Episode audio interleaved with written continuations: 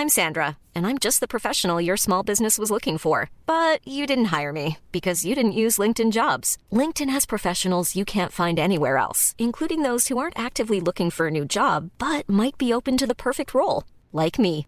In a given month, over 70% of LinkedIn users don't visit other leading job sites. So if you're not looking on LinkedIn, you'll miss out on great candidates like Sandra. Start hiring professionals like a professional. Post your free job on linkedin.com/people today. Mom deserves the best, and there's no better place to shop for Mother's Day than Whole Foods Market. They're your destination for unbeatable savings, from premium gifts to show-stopping flowers and irresistible desserts. Start by saving 33% with Prime on all body care and candles. Then get a 15-stem bunch of tulips for just $9.99 each with Prime. Round out Mom's menu with festive rosé, irresistible berry chantilly cake, and more special treats. Come celebrate Mother's Day at Whole Foods Market. When you're ready to pop the question, the last thing you want to do is second guess the ring. At Bluenile.com, you can design a one of a kind ring with the ease and convenience of shopping online. Choose your diamond and setting. When you find the one, you'll get it delivered right to your door. Go to Bluenile.com and use promo code LISTEN to get $50 off your purchase of $500 or more. That's code LISTEN at Bluenile.com for $50 off your purchase. Bluenile.com code LISTEN. Vi är denna vecka sponsrade av Indie Beauty. Och Sofie, det här tycker jag är extra fint och extra roligt. Ja men Indie Beauty är ju ett skönhetsvarumärke som jag tror att väldigt många känner till, men det jag älskar mest det är att Indie Beauty liksom vill vara mer än bara produkter, vilket de ju också är. Exakt, Indie Beauty står ju för Independent Beauty, skönhet på dina villkor och för din egen skull. Och Indie Beauty tror ju stenhårt på ett alternativt skönhetsideal fritt från måsten, skam och känslor av otillräcklighet. Där är jag helt med Indie Beauty. Jag med. Det är så jag vill att skönhet ska vara. Ja men verkligen. Och vet du vad som är nytt för i år Sofie? Berätta. Från och med i år så skänker Indie Beauty 1% av sin försäljning till Suicide Zero, Tjejzonen och Djurens Rätt. Så när man handlar produkter från Indie Beauty så kan man liksom känna att man också ger tillbaka till samhället. Ja, kraften i tillsammans. Ska jag säga en sak nu då, som Mm. jag, det, men det är detta jag är extra glad över.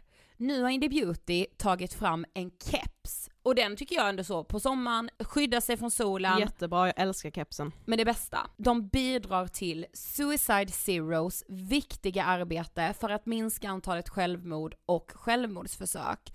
Så för varje såld keps så går hela vinsten, 100 kronor, direkt till Suicide Zero. Då kan man liksom göra nytta både för samhället och sin hud på en och samma gång. Ja, och kepsen kostar 169, men alltså hela vinsten går då som sagt till Suicide Zero.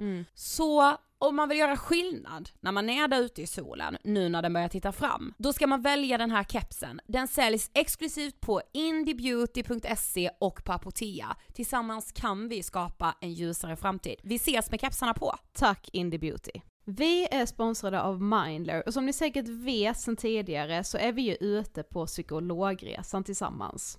Men hur vet man egentligen när det är dags att söka hjälp? Ibland uppstår saker i livet som kommer utmana oss och kännas tufft.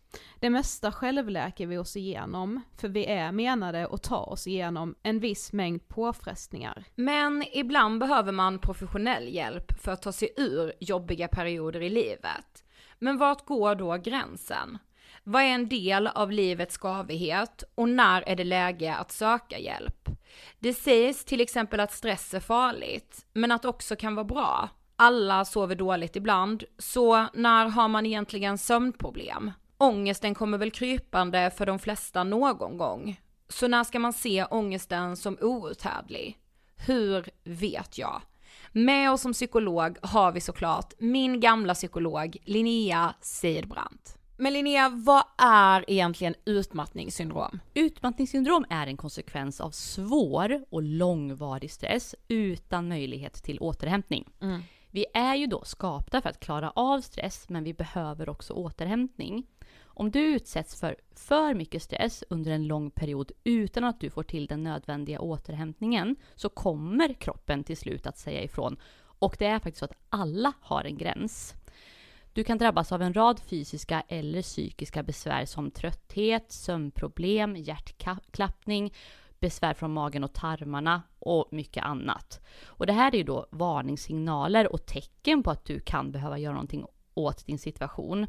Annars så kan besvären utvecklas till att du mår så dåligt på sikt att du blir psykiskt och fysiskt utmattad. Ladda ner Mindler till din telefon och läs mer på mindler.se.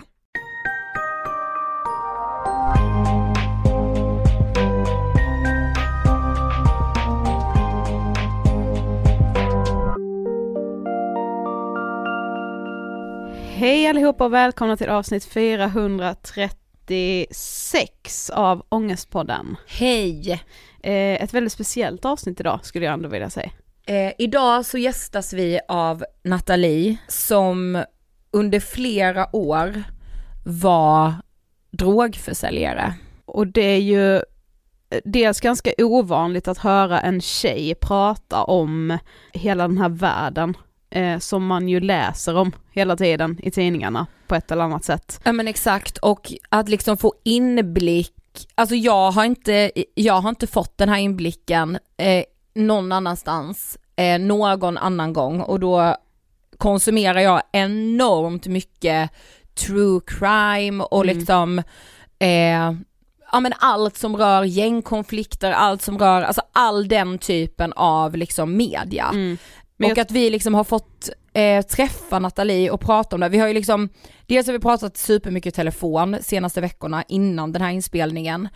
Och jag vill bara vara noga med att anledningen till att vi vill göra det här är för att vi vill berätta den här historien och vi tror att eh, man måste det för att få en förståelse av att saker inte är så svart eller vitt. Ja men framför allt också för att det ganska, det är ganska lätt idag att få en väldigt förskönad och glamoriserad bild av att vara drogförsäljare Mm. eller leva ett kriminellt liv. Eh, och just det här liksom extrema pengaflödet och att man kan leva jävligt lyxigt och Mm. yadi yadi. Eh, och vi tycker det är otroligt viktigt att, att sprida en annan bild. Eh, så att unga människor idag förstår att eh, det inte är värt det. Ja men verkligen också så en annan bild, egentligen kanske mer en äkta bild Mm. av, av hur det går till för, eh, ja men som sagt alltså Nathalie har ju, har ju verkligen levt, eh, alltså så kriminellt som man kan. Mm. Och jag, alltså jag är så tacksam för att hon ville sitta ner med oss och eh, berätta om sitt förra liv. För man kan ju säga att det liksom finns ett före och ett efter. Ja, verkligen.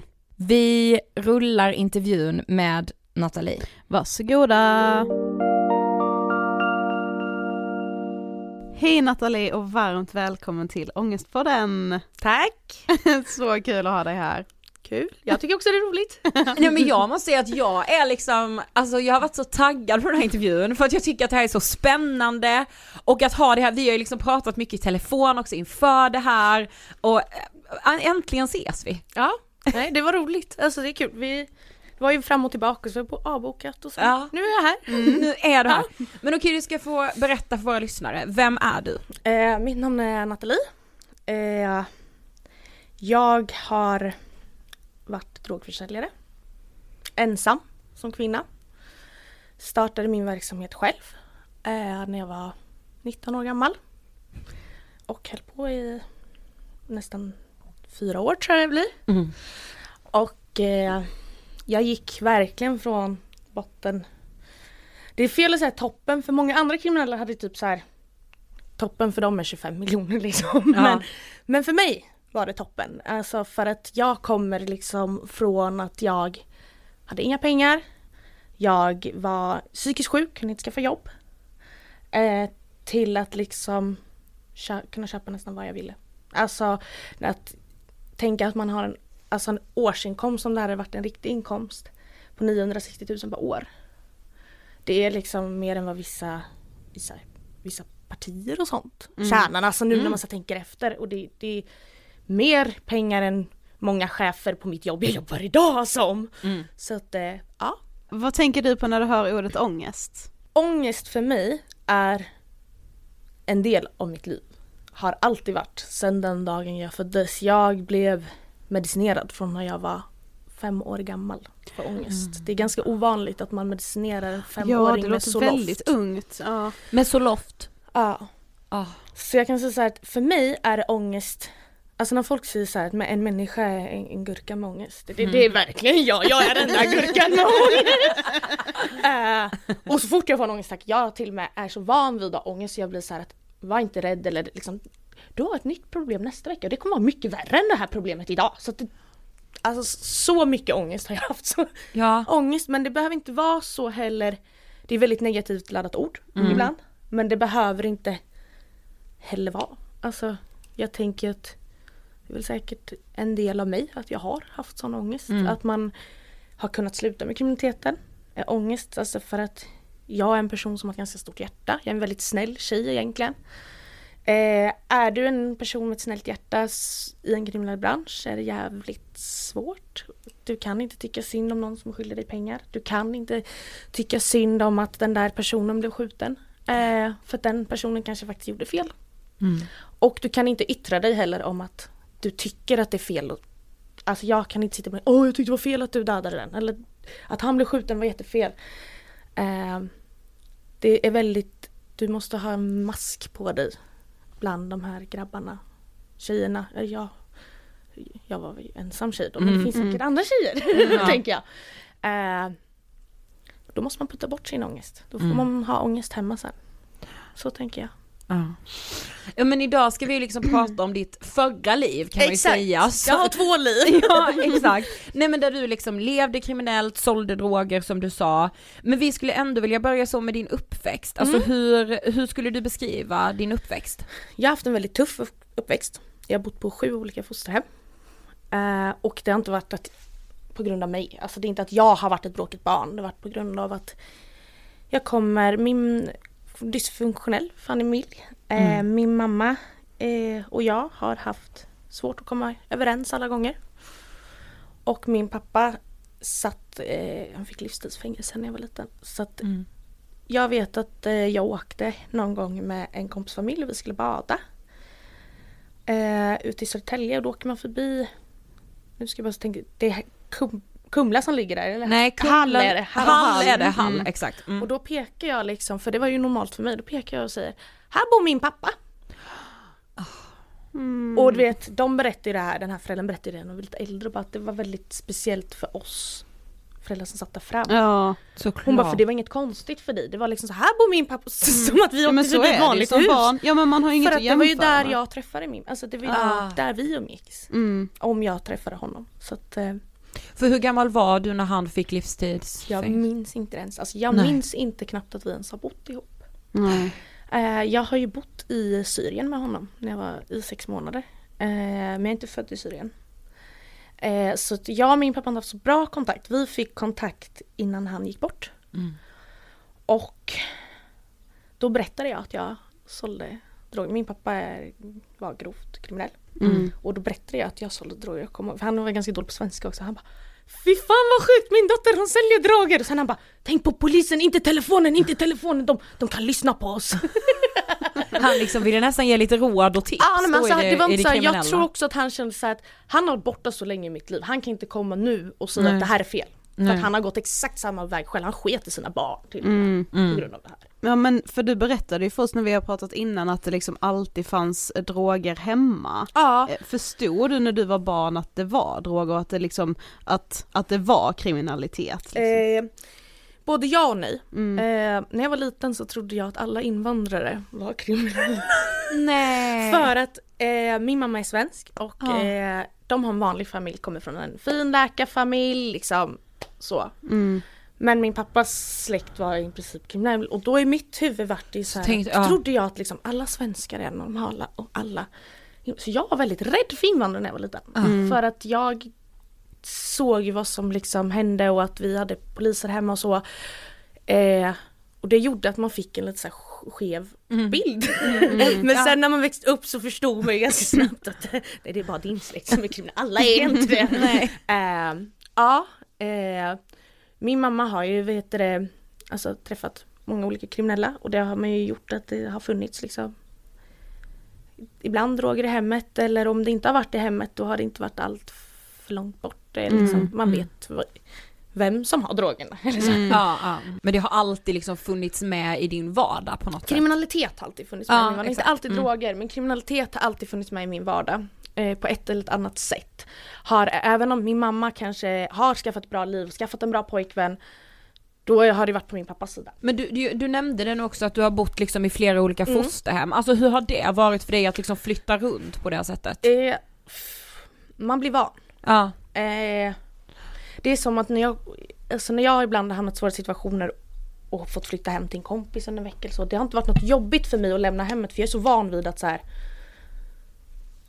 Du inte har ett rum som är ditt. Alltså det är inte dina gardiner, det är inte dina grejer. Alltså, så här, så man, man liksom blir lite van till slut men det har ju också gjort väldigt ont i en som liten. Man har känt sig bortglömd, oälskad. Eh, jag har ofta tänkt typ på min pappa att har verkligen kriminaliteten varit viktigare än allas barn? Eller jag vet att han liksom hade sina kompisar typ så namn intatuerade. Man bara, men alltså hur kan du ha dina vänners namn men inte dina barns namn intatuerade?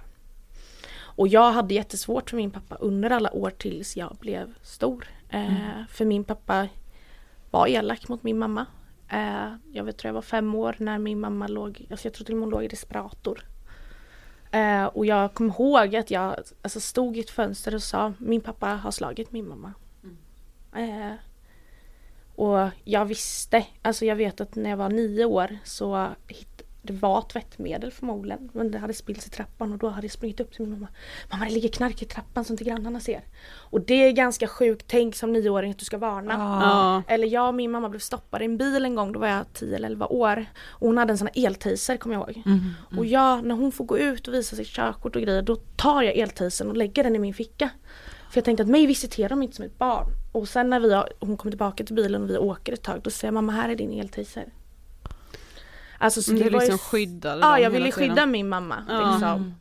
Eh, och sådana grejer, alltså jag vet att när jag var liten, för mig var det inte så kriminella, jag, jag kallar liksom de tjuvar, alla som var kriminella var tjuvar. Ja. Ja. Så jag vet ju redan när jag var så åtta år att jag jag, jag förklarade för min lärare att en svart skugga tittade på mitt fönster och jag bara det är en tjuv. Det var inte det, jag hade väl förmodligen någon trauma eller så här, Ja. någonting bara, men den här svarta skuggan och jag sa det, ibland går han efter mig till skolan men det var väl bara något så psykiskt jag Precis. hade. Ja. Och jag vet att typ någon gång så hade jag hört av mammas kompisar att någon hade haft något inbrott eller något så vet jag att de här tjuvarna skulle komma till oss. Jag kommer ihåg att jag ville inte visa min mamma att jag var rädd. Jag var väl typ så här nio år. Så jag säger liksom att jag vill lägga madrassen under bordet för typ som en koja. Men jag minns att det var inte för att vara en koja. Jag tänkte att då är jag lite skyddad under bordet. Kanske de inte hittar mig det första du vet. Så. Mm. Eh, Och ett barn ska ju liksom inte behöva tänka Nej. så. Eller så, liksom ta, ta någonting, eller så här, åh nej det ligger något i trappan. Alltså det ska Exakt. man inte behöva ha som Nej. barn. Nej. Men i sena tonåren så börjar du må väldigt dåligt och du har liksom Ja. suicidtankar till och med. ja, jag har ju eh, borderline Ja. och ADHD och OCD. Mm. Innan hette det också trotssyndrom, men jag tror det är Ja, just det, det. som idag Mm. har blivit borderlinen liksom. Ja. Mm. Och jag fick min borderline när jag var vuxen, Mm. diagnosen. Så att jag kände mig hela tiden, jag visste, alltså jag, jag var ju väldigt sjuk eller vad man ska säga, det- Mm. i perioder. Eh, och det var som att ingen visste hur de skulle hjälpa mig för att borderline är väldigt svårt att hjälpa, det är svårt att medicinera, det är oftast bara så KBT. Så det var lite så här. Det kändes som att jag fick hjälp men jag fick inte hjälp. Mm. Jag satt där liksom på BUP varje vecka men det hjälpte inte mig. Nej. Nej. Men berätta liksom hur mådde du, alltså hur var livet där i tonåren? I ton, alltså jag ville ju så långt från att inte bli så som någon av mina föräldrar. Jag var så jag vill bli rik. Mm. Jag ville bli en Mickan på Solsidan. och då hade jag läst så här att ah, om, du, om du umgås med fem vänner kommer du bli som de här fem vännerna. Ja just det. Ja. Så jag bara, men om jag börjar umgås med skitrika på Stureplan då, bara då måste jag bli rik. ja. så här, jag bara, då, då måste det bli så. Jag det bara att sätta sig på tvärbanan lite Solsidan. Eh, Så jag umgicks ju väldigt och det var ganska jobbigt för att jag ville inte säga riktigt var jag kom ifrån så att jag vet att jag liksom så här ljög om att min fosterfamilj var så här, ja ah, men det, där bor min pappa och det är hennes fru liksom. Jag skämdes väldigt mycket var jag kom ifrån för att det är, kan vara ganska svårt att komma in i de här rika kretsarna om du inte är därifrån. Mm. Eh, då blir, Mm, Just det. alltså om Mm. du inte vill bli sedd som ett så här gatubarn. typ. Ja. Ja. Mm. Eh, och jag började eh, alltså dejta väldigt rika män. Eh, de var äldre än mig, jag var 17 och de kanske var mellan 28 och 30 och det, det är ganska äckligt nu när jag så här, tänker efter. Mm. Och alltså jag hade en, jag var tillsammans med en finansman Mm. som tjänade säkert 200 000 i månaden liksom. Och jag var ju liksom känd på hans jobb som 17-åringen. Alltså jag var, jag inser ju nu när jag är vuxen att jag var ju bara som en liten handväska man kan ha med sig. Ja. Det var ju en sån här fin grej typ. Och det var ju liksom, det blev liksom att alla på kontoret ville ha 17-åringen. Alltså kan så här, de, eller inte såhär mig men alltså kan inte, ah Anton en kompis. Ja, Ah, men gud! Och då alltså. började, i de här kretsarna är extremt mycket kokain. Mm. Mm. Perfekt om du kommer från en eh, alltså bakgrund som mig, att ta ett streck. Alltså Mm. det är väldigt lätt att hamna där. Mm. Väldigt lätt. Mm. Och ta ett streck för de som inte vet är liksom att ta typ en lina kokain. Ja. Mm. Eh, så då började det liksom, så drogerna kom, hur jag började sälja droger var kanske inte så här från hemifrån eller från min Nej, pappas sida mm. eller typ sådär. Men det var liksom intresset började väckas, alltså det kom lite in och tillbaka där då. Just det. Mm. Eh, och 17 år det är ganska ungt för att börja dra, kanske inte idag men det där Det är tio vara- år sedan. Ja det borde borde vara- vara ja. extremt. Mm. Men, Eh, ja. Och liksom Det blev också att Man började umgås ännu mer för jag hade inte råd med kokain Alltså jag hade inte ens råd med, med, med en drink på Stureplan alltså, Nej. Nej. Och jag började liksom gå på Sturecompagni redan som 17-åring så jag kommer ihåg den dagen jag fyllde 18 då råkar han bara såhär lägga, han bara det var inget Han bara nu när du ändå har det ska jag kolla så tittar han han bara 18 va? Han bara du har varit här i ett år Alltså jag bara såg hans blick du vet svartna typ och jag bara Ska du släppa in oss eller inte? För jag är faktiskt 18 nu. Och han var ju såhär in mig men han, ja, jag var inte jättepopulär hos honom efter för Nej. Nej. han Han hade ju riskerat hans jobb. Ja exakt. Ja. Men när du är 19 år, det är då du börjar liksom sälja droger. Alltså hur Ja. går det till? Alltså jag sitter, har typ inga pengar. Eh, jag försökte ta SOS-bidrag men det gick inte. Alltså för att de var så ah, du ska köpa, söka 25 jobb i, veck- eh, i veckan eller vad fan det var. Mm. För någon med diagnoser som du vet så här, har knappt ens lärt sig betala en räkning. Det är liksom min kompis som har lärt mig hur man betalar räkningar och sånt. Så är det ganska st- stor press om du är så pass psykiskt sjuk som jag var då. Och så jag började liksom röka på väldigt mycket. För att eh, det var några rika vänner som sa en dag när jag hade varit ute och laddat och jag mådde så jävla dåligt dagen efter. De bara Testa och rök. De bara du som kommer som, alltså för de här killarna just visste lite liksom min bakgrund. De bara all din ångest kommer att släppa. Jag kommer ihåg att jag sitter i en jacuzzi eh, i en jättefet lägenhet på Odenplan. Och jag liksom bara sitter i den här jacuzzin och röker. Och du vet, jag bara känner mitt huvud typ domna bort. Du vet, all min smärta bara Det var sån jag kunde se den liksom så flyga iväg nästan från min kropp. Mm. Efter det blev jag fast för rökat. Alltså cannabis blev min bästa vän. För jag blev så här, men shit jag är ju typ inte psykiskt sjuk längre. Alltså, Mm. vet jag, när- För det, så satt jag där och det var ju dyrt att röka också och inte ha pengar. Mm.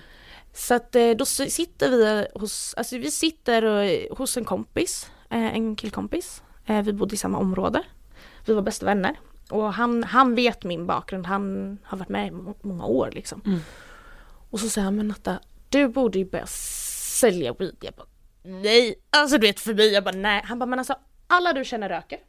Han bara, du har dina rikemanskompisar där inne på Östermalm. Han borde inget jobb. Han bara, testa. Så jag ringer en och eh, frågar om hej, alltså jag vill börja sälja cannabis. Så jag kritar heter det så här, att man lånar. Mm. Så jag fick 50 gram eh, och eh, de hade redan delat upp det till, åt mig eh, så att liksom allt var liksom klart. Ah. Och så sa jag så här, men ni får pengarna när jag liksom är klar. Och jag tror jag skulle betala 3 och 5 eller något sånt. Och de här tillsammans, det var inte så mycket pengar, det här tillsammans var 12 bärslikar som man kallar det. Aha. Eh, 12 bärslikar är 6000 kronor. Mm. När du har sålt klart det. Så jag ska ju betala tillbaka 3 5 så det var, ingen, det var inte mycket pengar liksom. Och jag kommer ihåg att den här personen ringer mig efter typ en vecka. Han bara ah, hur går det med mina pengar? Och jag var så jag har liksom, jag bara jag har bara sålt för 2000 du vet så här. Han bara för att en vanlig som säljer kanske alltså några år senare så sålde jag ju 12 på en dag. Ja. Minst liksom. Så att, eh, men det tog ett tag sen. Jag betalade såklart. Eh, men jag tyckte att det, alltså, det var lite stressigt sådär. Ja. Så då eh, lärde jag, alltså jag lärde känna en, några kriminella så jag liksom frågade om de inte hade weed.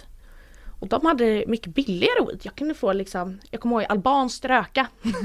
Det är det så här smutsigaste gräset du kan hitta. Det är Aha. så här riktigt usch. Ja. Om det är en flumma, du vill inte ha det. Nej. Men de kunde fixa ett hekto för 3000 spänn. Jag bara, det är fan billigare än vad jag fick hälften av sist! Så jag tänkte okej men jag kör, jag visste att det var dåligt rök så jag liksom började lägga 7 gram i varje påse och i vanliga kanske ligger 3,5. Och då blev det, jag, och jag var ju så smart och skickade ut till mina vänner att ah, jag säljer 7 gram för 500 spänn. Och då, alla ville ju handla med För jag tog ju också med vågen och vä vägde påsen framför dem och visade liksom så att de verkligen förstår, jag lurar inte er. Så är kvaliteten lite sämre och då Folk sket lite i att kva- kvaliteten var sämre. För det var så mycket billigare. Det var så mycket billigare så att det vart väl värt det. Det var bara att lägga dubbelt så mycket säkert i jointen. eh, det här numret började spridas, jag började, vi började väl kanske med så sju pers. Och det bara eskalerade, eskalerade efter så här några månader eller några veckor. Jag kom till mig, kort period så hade jag så över 300 kontakter på min telefon. Och jag bara shit nu börjar det bli mycket och då så här, de jag började hämta av liksom bara du måste in på Wicker. För då innan dess körde du liksom på din telefon. Från början körde jag till och med på min abonnemangstelefon. För att jag tänkte ju inte att det skulle bli stort, jag skulle bara så här tjäna ihop lite, lite. pengar typ Ja. så här, för att kunna röka gratis. Ja. Eh, sen kommer min kompis hon bara du kan, du kommer åka fast. Så hon så här, ger en iPhone till mig och bara du går och köper ett kontantkort som alla andra kriminella gör. Eh, så det var ju på den, det numret det liksom blev och den telefonen var ju så värd mycket så jag var så rädd att tappa bort den. Jag vet att jag har supit bort den här telefonen tre gånger men hittat den via, hittat min iPhone så här, följt efter taxis och grejer för den telefonen var ju värd så mycket pengar för mig. Ja. Det var ju mitt jobb. Ja. och sen då så började ju Wicker komma. Ja. Eh, och då körde jag faktiskt så här att eh, lägger du till mig på Wicker så får du lite extra i påsen. Så att jag liksom kunde börja föra över dem. Ja. För Wicker, alltså det är en krypterad liksom app typ Ja. eller? Precis och eh, då skapade jag en, ett, alltså, ett namn där. Och det var ett tjejnamn. Så det blev väl också lite så här, för jag vet att flera ibland bara Hej, är det en tjej jag skriver med? Och jag har ju varit, jag är en tjej som gillar att skoja mycket och sånt så jag kan bara Nej det är en hen! Eh, så att jag tror också att det fick en spridning för jag vet att jag också hade Alltså som en, så man kan ha som en profilbild på det här. Okej. Och då hade jag liksom eh, Nu ska inte jag outa mig helt Nej. Men en eh, bild som är lite tjejig. Mm, mm. Som gör att man minns liksom Om man letar liksom då så var det så ja ah, men där är hon Mm. eh, Så att jag gjorde liksom en grej av det eh, Och sen var jag, jag skickade liksom ut listor och jag var ju väldigt trevlig mot folk Jag blev lite kompis med alla mina kunder för att jag tänkte det, man vill inte googla sin kompis Nej. Alltså, eh, och du vill ju hellre supporta din kompis med att ge pengar. Eh, så att jag liksom blev lite kompis med all, alla mina kunder. Ibland lite för bra kompis. Liksom. Jag hade en Ah. kund Alltså jag tyckte ju så synd om honom för att jag insåg att han inte hade några pengar på grund av att han köpte så mycket weed av mig. så att han berättade typ att han inte hade kunnat betala hyran, att hans dammsugare gått sönder och jag bara kände så här ångest. Jag bara shit det här är ju mitt fel! Ja. Men det är ju inte det. Hade inte jag sålt hade någon annan sålt. Ja. Eh, så jag gav ju han en dammsugare. Och det är såhär, vilken knarklangare ger sin kund en dammsugare? Nej det var snällt. ja, så att jag har ju blivit lite så här för personlig med vissa kunder. Ja men för det här med att vara personlig och liksom bli lite vän med alla kunder och så, så skulle du säga att det var liksom att det är så du är som person eller var det också en strategi kring just det här liksom? Både och. Ja. Men sen är jag ju en väldigt social människa. Mm. Och jag vill inte att de här mötena, jag vill inte, jag, jag försöker tänka så här, varför åker folk fast? Ja, för att ni har säkert sett när någon, alltså man kan ju se ganska tydligt när någon köper drag att det går snabbt. Mm. Inga normala personer på stan skulle hälsa, hej bror, tut, gå, inte ens säga ett ord.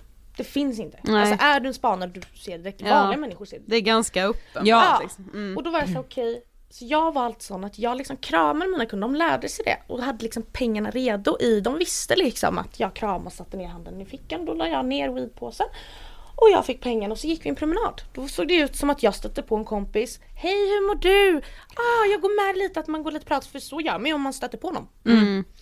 Och så gjorde jag. Eh, så jag gick liksom pratade med dem, kanske följde dem halvvägs tillbaka till tunnelbanan eller liknande. Mm. Men var, var det bara liksom cannabis du sålde eller vad Nej. sålde du mer? Från början var det bara cannabis. Ja.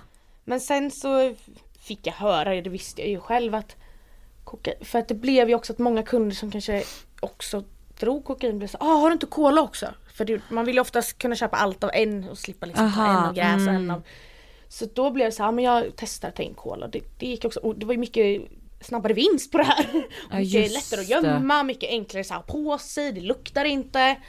Eh, för att weed, det är ganska jobb jag vet att när man pratar med andra kriminella, de, vissa tycker att det är lite jobbigt att sälja gräs för att det är svårt att så här, inte svårt att paketera men att det inte ska lukta. Det Aha, är lätt, mm. alltså typ hasch är ju, du kan ju forma det, alltså rent tekniskt sett hade du kunnat stoppa upp hasch liksom Ja. med påse in mellan benen. Ja. Det kan du inte riktigt göra med gräs liksom. Nej. Eh, det är mycket lättare att gömma hasch. Eh, så vissa föredrar ju att kanske inte sälja gräs eh, för att det blir ju lite risky och Ja. det tar mycket mer plats. Eh, så jag var ju liksom känd för att ha bra rök. Alltså jag hade så här California standard. Det var inte dåligt. Och, Men hur fick du tag på så bra grejer då? eh, jag Utan hade en liksom kompis outa, ja. som jag vill inte säga så här att han var kriminell för jag ser inte han som kriminell för han är så här typisk datanörd men som gör extremt mycket pengar och är expert på att röka. Då är man nog ändå kriminell. Nej, jag, för han skulle aldrig råna någon, han skulle aldrig slå någon. Så han... så, han är ingen gangster, så okej han är kriminell men han är ingen gangster. Nej. Ja. Och han var så vettig att ha att göra med så jag var ändå så här, men han kan ju jag börja jobba lite med. Så jag visste ju så, här, så Jag började liksom dra mig lite honom för han hade ju bra grejer liksom. Så det var väl så. Och jag och han har ju ett tillfälle för han ser ut som en helt vanlig kille. Han går med halsduk och eh, alltså kappa, alltså väldigt så här proper. Ja. Mm. Och jag, eh, nu ser ju inte folk hur jag ser ut men ni kanske, jag ser inte heller ut som den typiska knarklangaren, inte heller som den inte. typiska ortenbruden heller. Nej. Så jag kommer ihåg någon gång vi skulle åka och köpa, jag tror det var typ så fem kilo gräs eller något. Och då står vi framför spegeln, tar på oss mössan och halsduken sådär. Står vi och sk- står och skrattar jag, och jag bara tittar i spegeln, jag bara det är så här två knarklangare ser ut och vi bara bryter ihop av skratt jag och han. För vi såg ut som en vilket, typ ett par. Ja. Som Ja. bodde, vi såg ut som ett par som typ bodde i Sjöstan. Ja. Men alltså under den här, liksom när du då säljer, du har jättemycket kunder, använder du droger själv? Ja. Eh, alltså i början rökte jag bara men ju mer kunder det blev ju mer jobb blev det. Jag hade en regel att göra öppet mellan 10 till 10. Eh, Då var det inte så vanligt att man hade öppet och stängtider. Men jag tänkte så här att alla kriminella de jobbar ju på natten. Ja. Eh, och det är ju så bilar blir stoppade. Alltså det är Ja, just så men om jag har normala tider då, då är ju risken mindre att jag torskar. Så jag kunde ju vara som någon skrev fem nej butiken stänger om fem minuter och fem minuter på det att komma hit och ibland kan det till och med säga Hej ursäkta så min tunnelbana är sten, jag är framme tre minuter över tid, är det okej? Jag bara det är okej. Så, För att de visste att jag var stenhård med klockan tio. För att jag visste att släpper jag på det här då kommer det bli släppt för alla. Så att jag var väldigt hård med klockan tio. Eh, Du hade liksom kontorstider? Ja, alltså så. och jag Ja, hade ett typ. kontor. Ja, Eh, hade jag. För att jag var också så okej, jag ville verkligen inte åka fast för jag var livrädd för att sitta i fängelse. För jag var så här, det kommer inte gå med mina psykiska sjukdomar. Jag, jag, jag kommer ju få panik. Så jag var så okej, men jag organiserade det här bra. Så att alla pengar hade jag, vad jag kallar banken. Eh, det var inte långt ifrån mig, några gator bort från mig bara. Eh, och sen hade jag mitt kontor som jag kallar det i eh, några tunnelbanestationer bort. Jag, Men var det hos någon annan? det var hos en annan person. Ja. Eh, och eh, jag erbjöd gratis röka. I utbyte mot att du Ja, fick ha din jag- bank. Där. Ja, jag tror jag betalade 15 gram i rök i månaden. Ja. Korkad deal av honom skulle jag säga. Han hade kunnat säga 5000. Men... ja. och du hade bara ja ja. Ja. ja, ja. Eh, och då hade vi så för han slutade jobbet varje dag vid typ 3-4. Så vi hade en deal att han ringer mig varje dag när han slutar jobbet. Jag hoppar på hans tunnelbana. Vi åker hem till honom tillsammans. Han duschar och fixar ordning sig för han hade en flickvän så han bodde typ inte där, han bodde hos sin tjej. Men han ville alltid åka hem och duscha och byta om. Medan han duschade och bytte om, då hade jag min kontorstid. Det kunde vara allt från att sitta och skicka listor till folk, det kunde vara att sitta och dela upp, det kunde vara, ja. Allt möjligt. Ja. Eh, och då tog jag liksom med mig, det här ska räcka för idag. Till imorgon klockan fyra. Mm, Tog det ja. slut, då är butiken stängd. För då betyder det att då har du sålt mycket, det är risk om du säljer mer. Ja. Så du höll dig hela tiden, du lyckades ändå hitta någon Exakt. balans. Jag hittar en balans för att det är väldigt lätt när du kommer upp i de här summorna att jaga, jaga, jaga, ja, jaga. hur blir man inte naiv i det och bara så, åh då ska jag tjäna dubbelt så mycket Ja liksom. men jag, jag tror att jag var så rädd för att sitta i fängelse så att jag blev inte det. Och jag ville ha kvar min verksamhet för det, det här var det enda jobbet som funkade med mina diagnoser. Ja. Så här, det var det jobbet som passade mig. Eh, så det var skitsynd att det var olagligt. Jättesynd. För det var verkligen så att det passade mig att man, kan- jag kunde vara hemma hela dagarna och gå ut med min hund och möta någon och så hänga lite med en kompis någon minut, prata lite, röka min joint, gå hem. Det passade mig väldigt bra i den tidpunkten jag var i livet då. Men när du sålde som mest, alltså hur, hur skulle du beskriva en vanlig dag då? Hur såg det Eh, ut? Jag ställde aldrig klockan men jag har aldrig varit den som sovit 12 så jag sov alltid med persiennerna uppe så jag tänkte här, jag vaknar själv av solen för då betyder det att jag är utvilad tänkte jag. Och det började med att jag rullade tre jointar. Satt mig rökte först en joint på min balkong. Sen när man hade rökt den, för morgonjointen var alltid, alltså de som röker tycker alltid att den är nice ja. Ja, den är helig. Liksom. Den är helig, det, det, det är den som slår på hårdast om du är liksom Okej. en van rökare. Ja. Eh, sen gick jag ut med min hund. Tog med mig en joint. Och då började ju jag veta att snart kommer kunder trilla in. Så jag kanske liksom var ute lite längre för att det inte skulle bli springhäll i trappen. Just det. Så jag liksom, det var därför jag oftast rullade hade med mig några. Så att jag liksom kunde vara ute ett tag och promenera liksom med min hund och så. Eh, ja, satt man och väntade tills någon kund kom. Eh, gick alltid till kiosken varje dag och köpte samma sak. Det var en Snickers och eh, vad heter det, två energidrycker. Det var liksom vad jag åt. Sen när det blev som mest så behövde jag börja ta kokain för att orka för att man blir ganska neråt av att röka. Alltså du blir ganska trött av det. Eh, och när det var som mest så var det också väldigt mycket utkörningar och det började bli lite mer också på ladd liksom så här. Och jag ville inte bli en så här laddtorsk som det var inte liksom min grej för jag gillar egentligen inte upp och saker men jag var ju tvungen så jag drog så små nycklar bara. Men då hade jag ändå sån så här regel att du måste äta något till lunch även om det bara var en Snickers eller så här. Men efter lunch det är då du får börja dra ladd. Ja, du hade de här reglerna för dig Och det var själv. då jag fick börja dricka för sen när man blev, när det blev som mest då fick jag ju börja parkera mig på stan och så här, sitta och dricka kanske eller sitta och äta för att det blev för mycket spring i området där jag bodde för jag har aldrig åkt polisbil. Jag har aldrig suttit i arresten. Jag har aldrig blivit stoppad på gatan och blivit visiterad och blivit tagen med droger. Eh, och då har jag ändå suttit, eh, jag satt på Neverland på en bar ganska mycket och till slut kom den här vakten fram. Jag kommer snart behöva en procent på det du tjänar och jag bara shit, är det så uppenbart? Jag har trott att jag är liksom världens smidigaste Men då hade ändå ordningsvakten där fattat. Ja, och han, men han skojar ju för Ja. jag var ju Ja. liksom stammis där till slut. Ja. Det var liksom så bra centralt, medis, Mm. nära. Så gick man iväg eller bad dem komma in liksom. Ja, så det. Men jag vet också att du berättade för oss om att du skickade ut som menyer. Ja. Alltså hur kunde de menyerna se ut? Då skickade du det till dina kunder på Ja, Wicker typ. alltså vill ni, jag kanske har kvar någon gammal lista på min telefon, vi kan kolla om jag hittar. Ja, jättegärna! Hej, nu är vi tillbaka! Weed Gorilla och så är det eh, klöver emoji. Ja. Fyra nollor, Bärslik 500, större mängder finns, skriv prisinfo. Bruning 4,0, 500, större mängder finns. Ladd 800 kronor gubben och så är det en snöflinga, större mängder finns. Utkörning finns för extra avgift, annars möter jag väldigt centralt.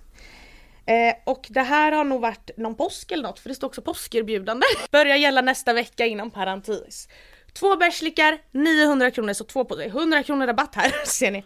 Två gubbar, 1 och 5, 100 kronor rabatt där med. Ha en trevlig dag, önskar. Ja. Så. Alltså det är liksom så vilket företag som helst. Ja. Jag, blir liksom, jag bara gapar. Ja, påskerbjudande hade jag, nyårserbjudande, man, man måste ha sånt, man lockar folk. Men vilka var då dina kunder? Alltså om du skulle beskriva dem? Om folk hade vetat hur mycket folk rökte och knarkade hade folk blivit förvånade. Det är föräldrar. Det är dagislärare. Kontorsmänniskor. Väldigt mycket byggare, alltså alla. Alla Och det, skulle, man kan det är så sig. alla branscher och alla samhällsklasser. Liksom. Ja. ja. Folk tror att det bara är ute i förorten. Jag kan säga att jag hade ju en regel eh, som låter lite konstig, så här att ingen förortsgrabb fick köpa mig.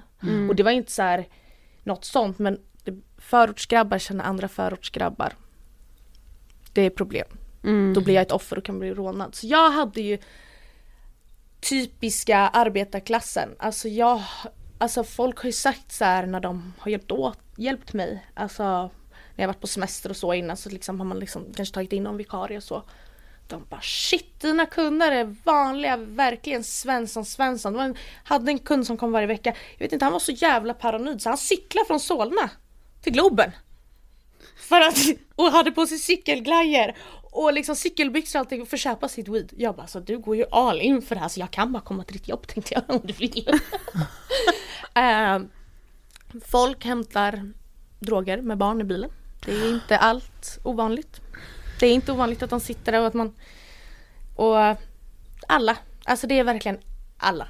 Visste ditt umgänge, typ dina vänner och så om att Ja. du sålde? Ja. Det kom ju fram förr eller senare. ja. Och jag tillhörde ett tjejgäng, liksom, inte tillhörde men var liksom en grupp, de hängde mycket och jag märkte ju mer och mer att jag blev så utfryst. Och jag förstod att det var för att jag sålde droger. Men det passade väldigt fint att ringa mig. Hej är du ladd? Kan min kille krita två ecstasy av dig? Men jag var inte bjuden på födelsedagar, jag var inte bjuden på de här grejerna. Och jag var även med i den här gruppchatten. De bjöd alltså, alla förutom mig. Öppet. Så Ready to pop the question? The jewelers at BlueNile.com have got sparkle down to a science with beautiful lab grown diamonds worthy of your most brilliant moments. Their lab grown diamonds are independently graded and guaranteed identical to natural diamonds, and they're ready to ship to your door. Go to BlueNile.com and use promo code LISTEN to get $50 off your purchase of $500 or more. That's code LISTEN at BlueNile.com for $50 off. BlueNile.com code LISTEN. Hiring for your small business? If you're not looking for professionals on LinkedIn, you're looking in the wrong place. That's like looking for your car keys in a fish tank. LinkedIn helps you hire professionals you can't find anywhere else, even those who aren't actively searching for a new job but might be open to the perfect role. In a given month, over 70% of LinkedIn users don't even visit other leading job sites. So start looking in the right place. With LinkedIn, you can hire professionals like a professional. Post your free job on linkedin.com/people slash people today. Life is full of awesome what ifs, and some not so much, like unexpected medical costs. That's why United Healthcare provides Health Protector Guard fixed indemnity insurance plans to supplement your primary plan and help manage out of pocket costs. Learn more at uh1.com. En dag skrev jag till de här tjejerna. Jag bara, jag är inte eran knarklangare, jag är eran vän. Ja. Jag bara, ni sitter och gör så här framför mig. Jag bara, då skaffa en ny jävla gruppchatt. Eh, och då var det två i den gruppen som faktiskt hörde av sig. Bara, så vi har faktiskt hört det, här, det var bra att du sa till typ. Men då var jag sen ändå, ändå så här, men om du tycker det, varför har inte du sagt så? Ah, ska vi inte bjuda in Natta då? Och en gång då efter jag hade sagt till det, då blev jag faktiskt bjuden på en, en sån här. Och då kommer även ett killgäng som tillhör det här tjejgänget. Och när, jag, när de kommer in, de bara Fan vad nice, vår knarklangare är här! Och jag, alltså mitt hjärta du vet, det bara brast för att för mig var det här mina barndomsvänner som jag hade känt i tio år. Alltså jag, och jag sa ingenting. Alltså jag kommer ihåg att jag liksom nästan gick på toa så hade tårar i ögonen. Jag bara så, jag är inte deras vän. Jag är deras knarklangare. Och det tog ganska hårt på mig för jag såg aldrig mig själv som kriminell. Nej, jag jag såg mig som företagare. Ja. Eh, för att jag skräpar inte ner i samhället. Jag går inte ut, alltså jag går inte över röd gubbe. Jag sköter mig liksom väldigt mycket, jag förstör inte i samhället utöver det. Så jag såg inte mig själv som kriminell, jag såg det lite mer som att ja, polisen borde faktiskt tycka om mig tänkte jag. Jag gör så att svenskarna får en trygg och säker affär och att de inte blir rånare eller något annat. För att Men var det liksom som en tröstetank? Ja, eller? jag hade Ja. alltid det så här, att men jag är en bra knarkförsäljare, jag förstör inte, jag går inte liksom och, och att jag liksom, och jag tror det var det som vann också att, att jag fick mycket kunder för att man liksom kan tycka det är lite läskigt att gå och handla av de här förortskillarna och vill inte bli blandad med dem för det är också då du kan åka fast. För varför skulle Per känna, känna liksom någon i Rågsved. Mm. Var, vad har de gemensamt? Varför träffas de? Mm. Men träffa mig, det var mer naturligt. Och att Men- jag var försiktig också. Jag tror jag vann mycket på det att jag var så försiktig och det gjorde att andra drog sig till mig för de vill- vill också vara försiktiga. Mm. Men så här, om du kollar i backspegeln, då kan du idag säga att du var knarklangare där och då? Ja. Eller ja. Jag, alltså, ja. ja. Men jag tycker ändå så här att jag var ju en bra knarklangare, alltså jag var en god knarklangare. Alltså, ja. Jag, jag tyckte ju så här att om jag åkte, alltså jag tänkte helt så här, det är inte mig ni borde ta fast, det är, ta fast de som går och skjuter och hugger. Jag, jag är ju för fan en god människa. Ta bort dem och låt mig göra det här istället tänkte Ja. jag många gånger nästan. Men jag vet ju att det var fel men det var liksom så här, jag försökte mata liksom in Mm. lite i hjärtat. Ja men Det- rättfärdigade liksom. Ja. Men du berättade ju också för oss att du har sålt droger till väldigt kända personer. Ja, eh, jag skulle på en konsert. Vi hade fått gratisbiljetter jag och min tjejkompis. Idag, jag kan ju säga namn, de är När vi står framme så är det en, eh, någon, någon i hans team liksom. Som vinkar in mig och vinkar in oss och bara vill komma backstage. Jag bara, ja. Sen blev vi medbjudna till deras tourbus. Men hur stod- visste de vem, hur visste Då de visste de inte, då var det väl bara att vi var först två söta tjejer som stod och okej. vet lyssna. Ja. Och så bjöd de liksom, ville de ha in efter så här tjejer. Aha. Och sen då så eh, frågar de om någon, om vi, alltså någon kan ordna weed. Och min kompis är en tjej som gillar att hypa saker. Ja. Så hon bara, och hon, alltså det låter så fel också där så här hon säger för att i USA är knarklangning en helt annan grej. Hon bara my friend can fix for you, you know Globen is like her corner. Jag bara, och jag så här, hade ingenting på mig då så jag ringer min kompis som jag hade faktiskt typ stashat hos som tur var. Så jag bara du får komma hit, det är fett kända människor, kom hit med röka nu! Sen gick jag hem och dagen efter hör jag de av sig och vill ha mer weed. Han bara hello my eh, next eh, future eh, Swedish wife eller något sådär. Så här. Han bara vill du komma med mig? Han bara har du pass? Jag bara ja. Han bara ta med din kompis. Han bara så flyger du till, de flög ner oss till Danmark. Från Danmark åkte vi tourbuss med dem. Eh, så att in, för jag kunde inte åka när deras buss skulle åka så jag liksom kom och levererade mer weed till dem. Och så var jag som jag catchar upp ett flyg.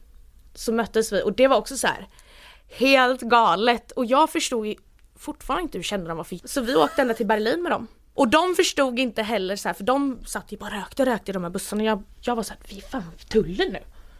Du vet såhär, jag är ju van att såhär, jag bara you have to, du vet såhär, jag sa ju till dem att man måste släcka, släcka joint, alltså det är inte lagligt här. Alltså såhär mellan Danmark och så här, Tyskland. Det var inte ens någon som kollade bussen. De kom fram, alltså den här busschauffören kom och hämtade allas passvisor som vi var igenom. Jag tänkte om de var bara öppnat dörren, det hade ju för fan kommit ut ånga Ja. som så här, med, med röka. För att det, var så mång, mycket människor som rökte. eh, sen har jag även sålt till Han har jag jag vet fortfarande knappt vem han är. Också världskänd. Ja, eh, och han köpte 50 gram weed och ladd av mig. Och han eh, torskar ju till och med med laddet och hamnar i tidningen. Och då skriver min kompis som var med mötte mig med honom. Han bara, vi som vet, vet.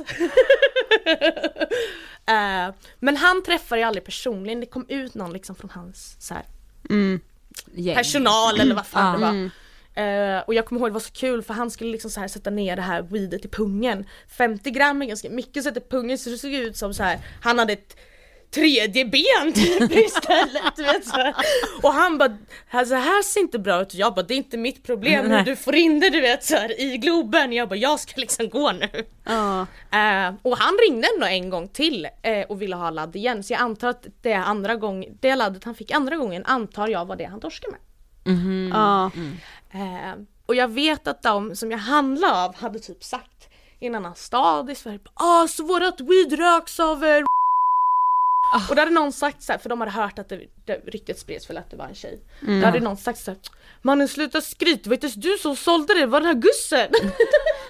Men, men man tänker också så när man hör då, man så ryktet sprids att det var en tjej och liksom att du ändå var liksom populär så. ja. Alltså hur, hur kunde det vara så att du inte hamnade i liksom de här drogkonflikterna som man också förstår finns, alltså det som man kollar på så serier men också med all gängkriminalitet som Det- man ju ändå skriver mycket om, alltså Är du lojal, ärlig Alltså, vi säger att jag kritar av dig och du är min knarklangare Mm. och jag ska möta dig på söndag med pengar. Har något hänt? Har jag torskat? Vissa försöker kanske inte säga det, du är, jag torskar, jag har lite ont om pengar. Jag sa till idag så här, samma dag, jag torskar idag eller det händer något, eh, jag har inte fått upp pengarna. Så här mycket pengar har jag nu. Kan, alltså jag var väldigt öppen och ärlig jämt för att jag inte ville att det skulle bli något missförstånd. Mm.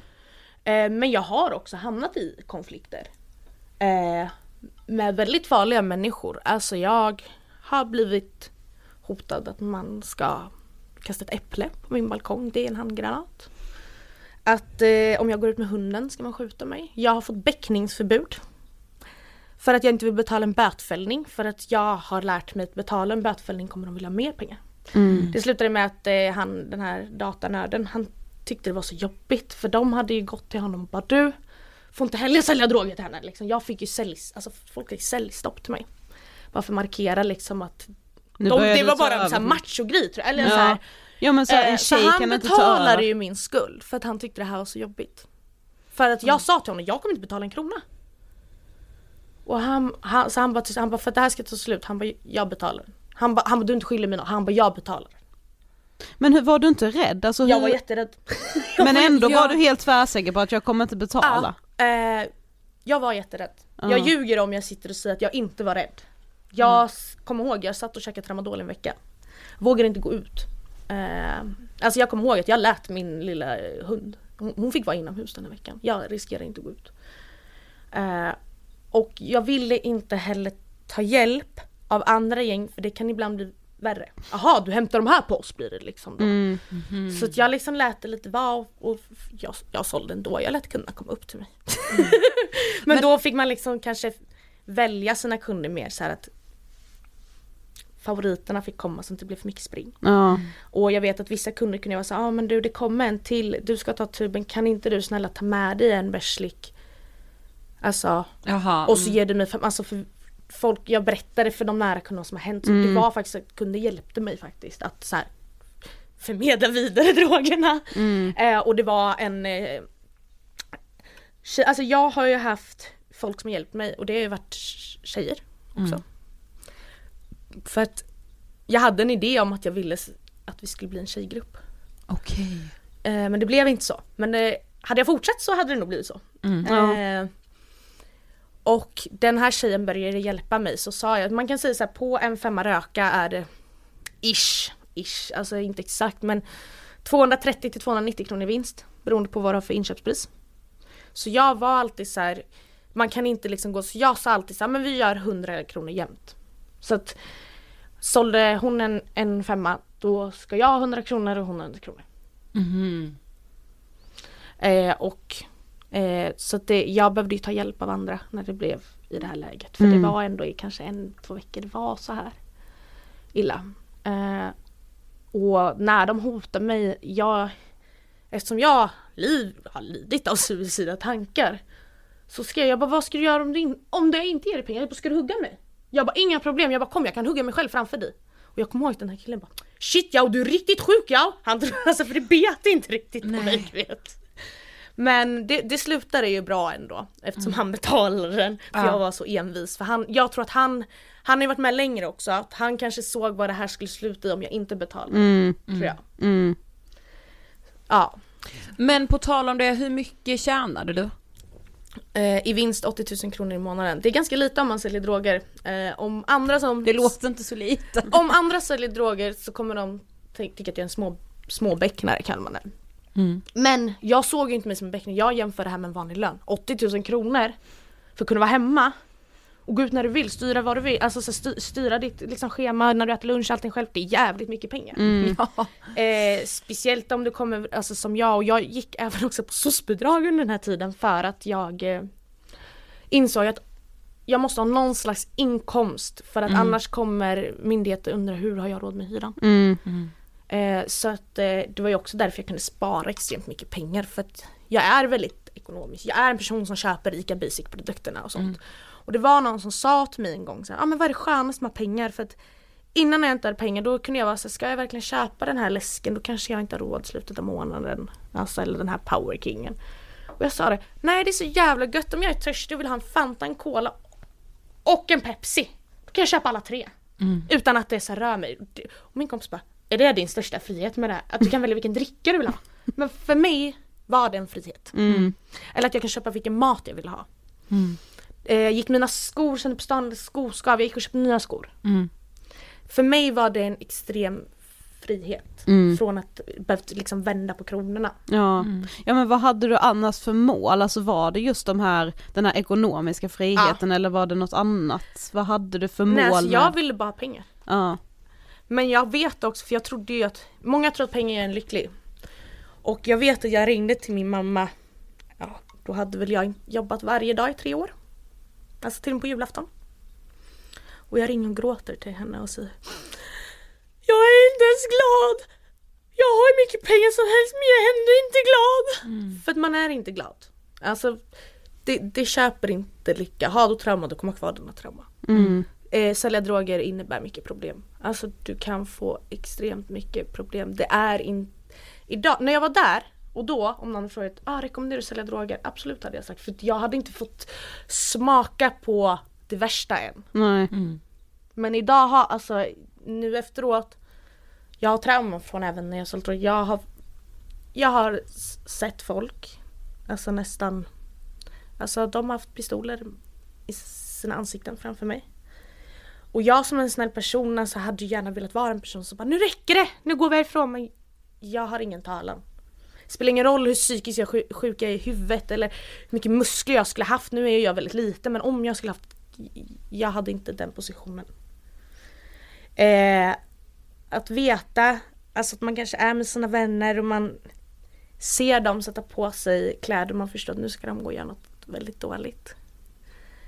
Det är inte kul att ha på sitt samvete och veta den har gjort det här och den har gjort det här. För jag kan säga så att det är ganska jobbigt att veta ibland. Det behöver inte vara ens att jag känner personen men är du i den här branschen så är det väldigt lätt att veta att den klippte den. För en vanlig människa, kanske inte för kriminella, men det är en ganska stor tyngd att bära att veta vem som gjorde det där mordet som står i tidningen. Vem som gjorde det här. Och även om inte någon har sagt det så kanske du har räknat ut det själv. Mm. Och du kan inte säga det till någon, för du vill inte gola någon. Och det är inte min grej, det är inte min ensak. Men det är en stor smärta du behöver bära på, ändå det är en stor grej. Och jag gick ändå till en psykolog men jag kan inte sitta och berätta till en psykolog de här grejerna. Jag kan inte. Nej. Så det är inte värt att vara kriminell i slutet. Det är inte värt de här pengarna. Och jag har klarat mig bra från den här branschen. Eh, och jag har väl klarat av det här traumat för att jag kom ha trauma sedan jag var liten. Men hade en vanlig tjej gått igenom den resan jag hade gjort så är inte jag säker på att den hade mått, alltså att den hade klarat sig så bra som jag har gjort. För att det är svårt i de här branscherna, folk är sliskiga. Alltså, jag har haft kunder som har slickat mig i örat. Alltså, vart såhär, ah, ska du inte komma och ta med en vän också så det blir en dubbelmacka. Alltså, mm, vissa, speciellt de här rika inne på Östermalm, pratade med en som om man var nästan prostituerad. Mm. Ehm, det är ett tufft klimat. Du kan, jag har blivit rånad. Jag blivit lurad. Jag blev rånad en gång i Tensta. Jag kunde inte göra någonting. Jag var ju där själv. Vad, vad ska jag göra mot tio grabbar? Och då, det var inte så att de ens hotade mig. De tog mina pengar bara och gick. Mm. vad, jag Vad ska man göra? Vad ska jag göra? Eh, och det, det är inte kul och man vet också kanske så här många man umgicks med att deras flickvänner mådde inte så bra. Många blev slagna. Många kunde, fick knappt liksom gå ut på stan för sina pojkvänner för att de var så kontrollerande. Att ha vänner som går beväpnade för att de har ett pris på sitt huvud. Så att om du bara går in i en liten mörk skogsdunge och ska röka en joint säger Shit, hade ni tänkt att gå med eller? Och man hör hur de börjar ladda vapnet för de tror att alltså, man ska lura dem.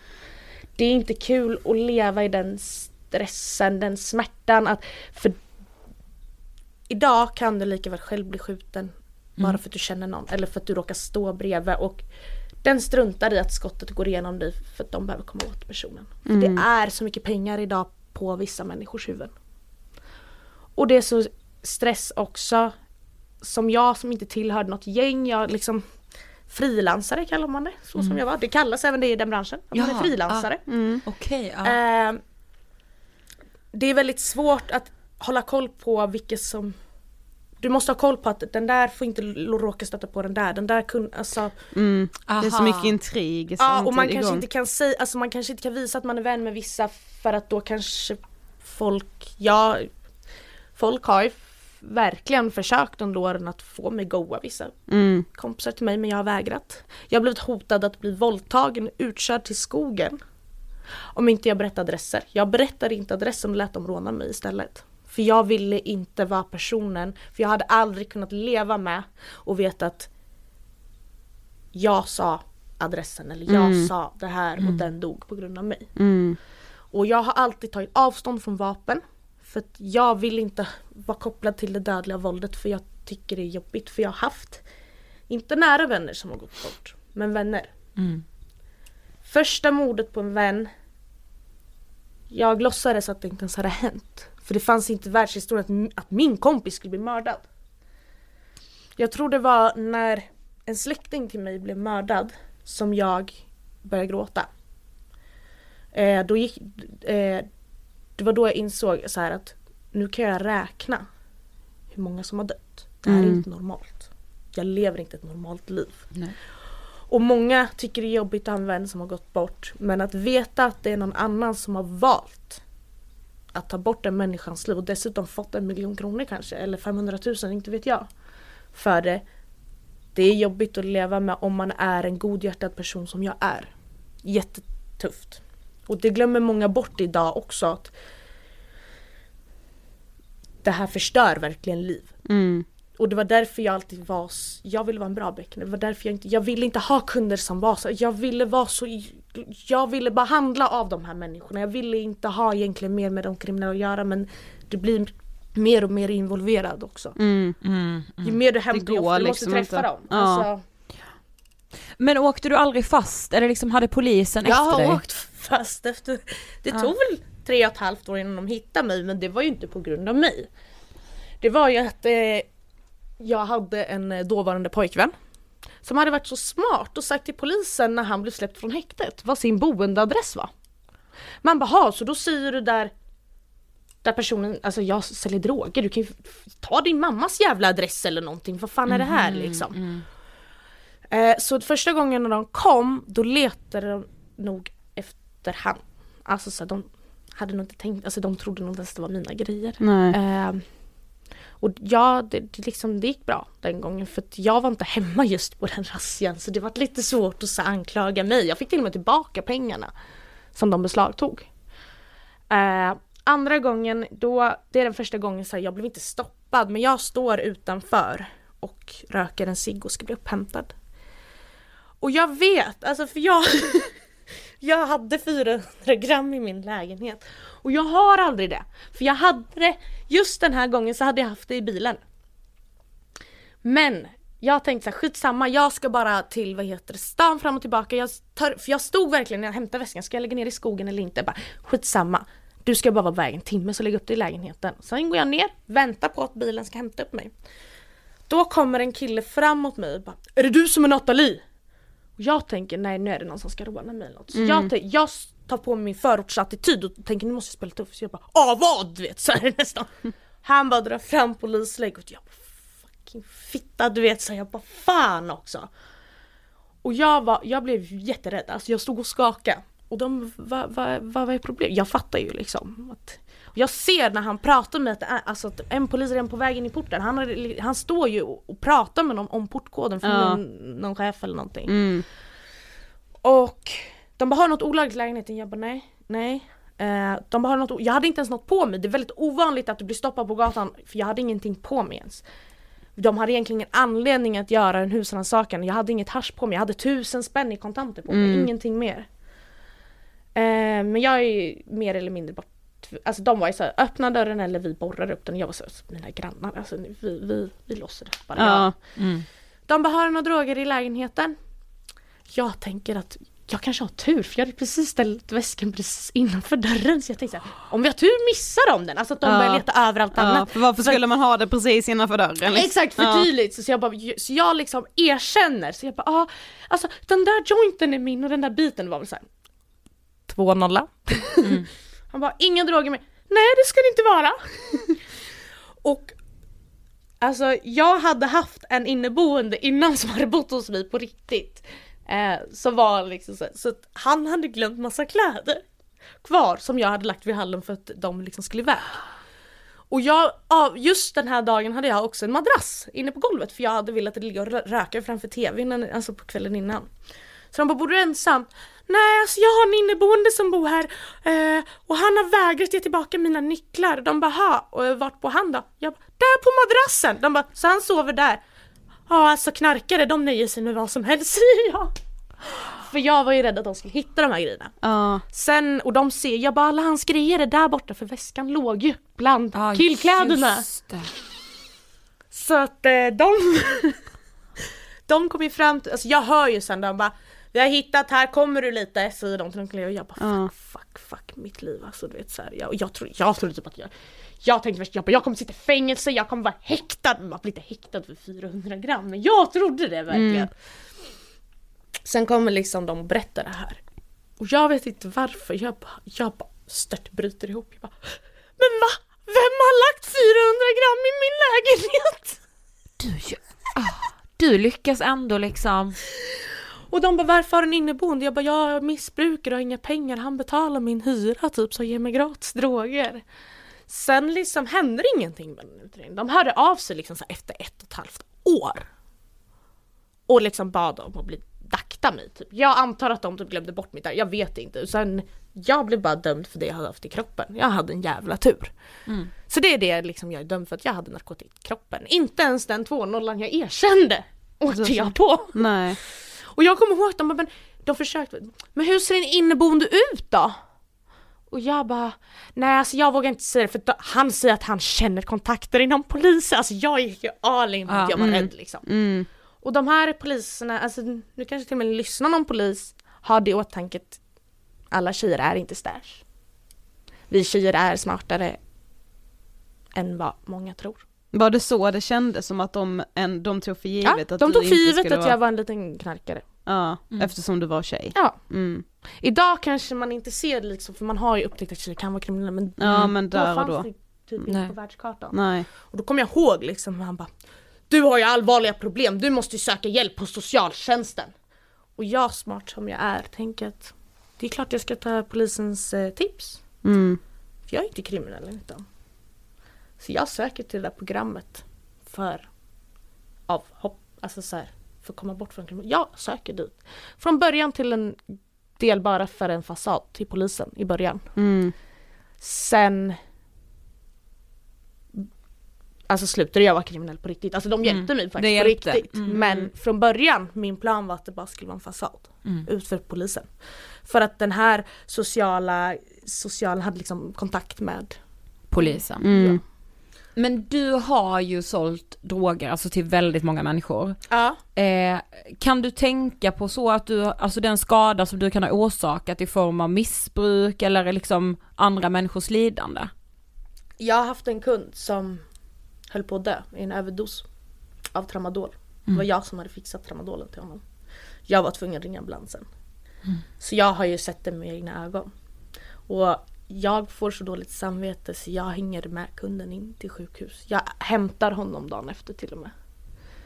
Men samtidigt, du måste tänka ditt jobb. Mm. Du måste det för att skärma av. Köp, säljer inte, hade inte jag sålt den där tramadolkartan, hade någon annan sålt den.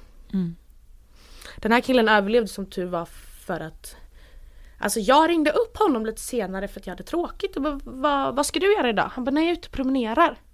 Jag bara, men vill inte du hänga med? Jag ska ut och röka en joint. Sen ramlar han, trodde jag, på ett berg. Och jag ser honom, vad jag tror, skratta för att jag ser kroppen. Men det, så jag bara, är det lite runt om fötterna säger jag. Tills jag inser att han har ett epilepsianfall. Han har ramlat framåt och båda armarna har gått ur led så de liksom är typ ut och in. Men alltså, eh, och jag får panik och jag vågar inte ringa 112 först. Jag vågar inte.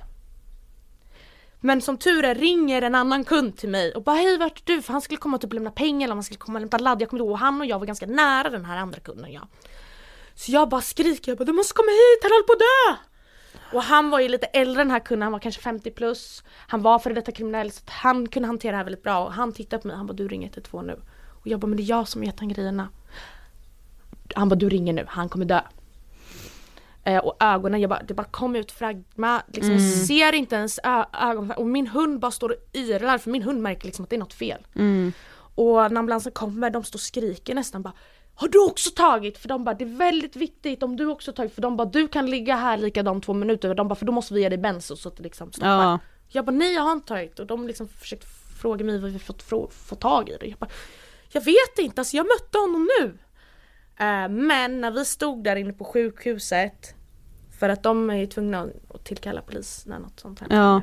eh, till sjukhuset. Och polisen frågar honom vad han har köpt ifrån och jag, den här killen säger att han har varit på Plattan. Då är väl den enda gången jag kände att oj.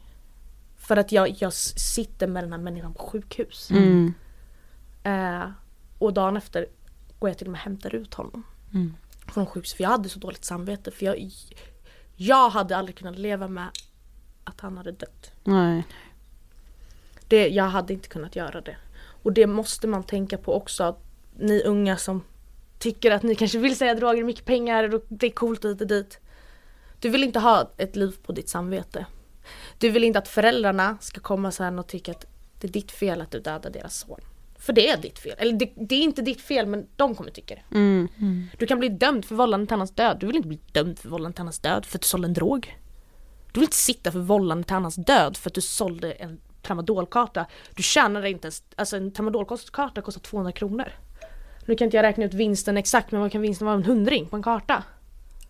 Du vill inte sitta för, livs, alltså för död för 200 kronor. Det är så man måste tänka. Mm.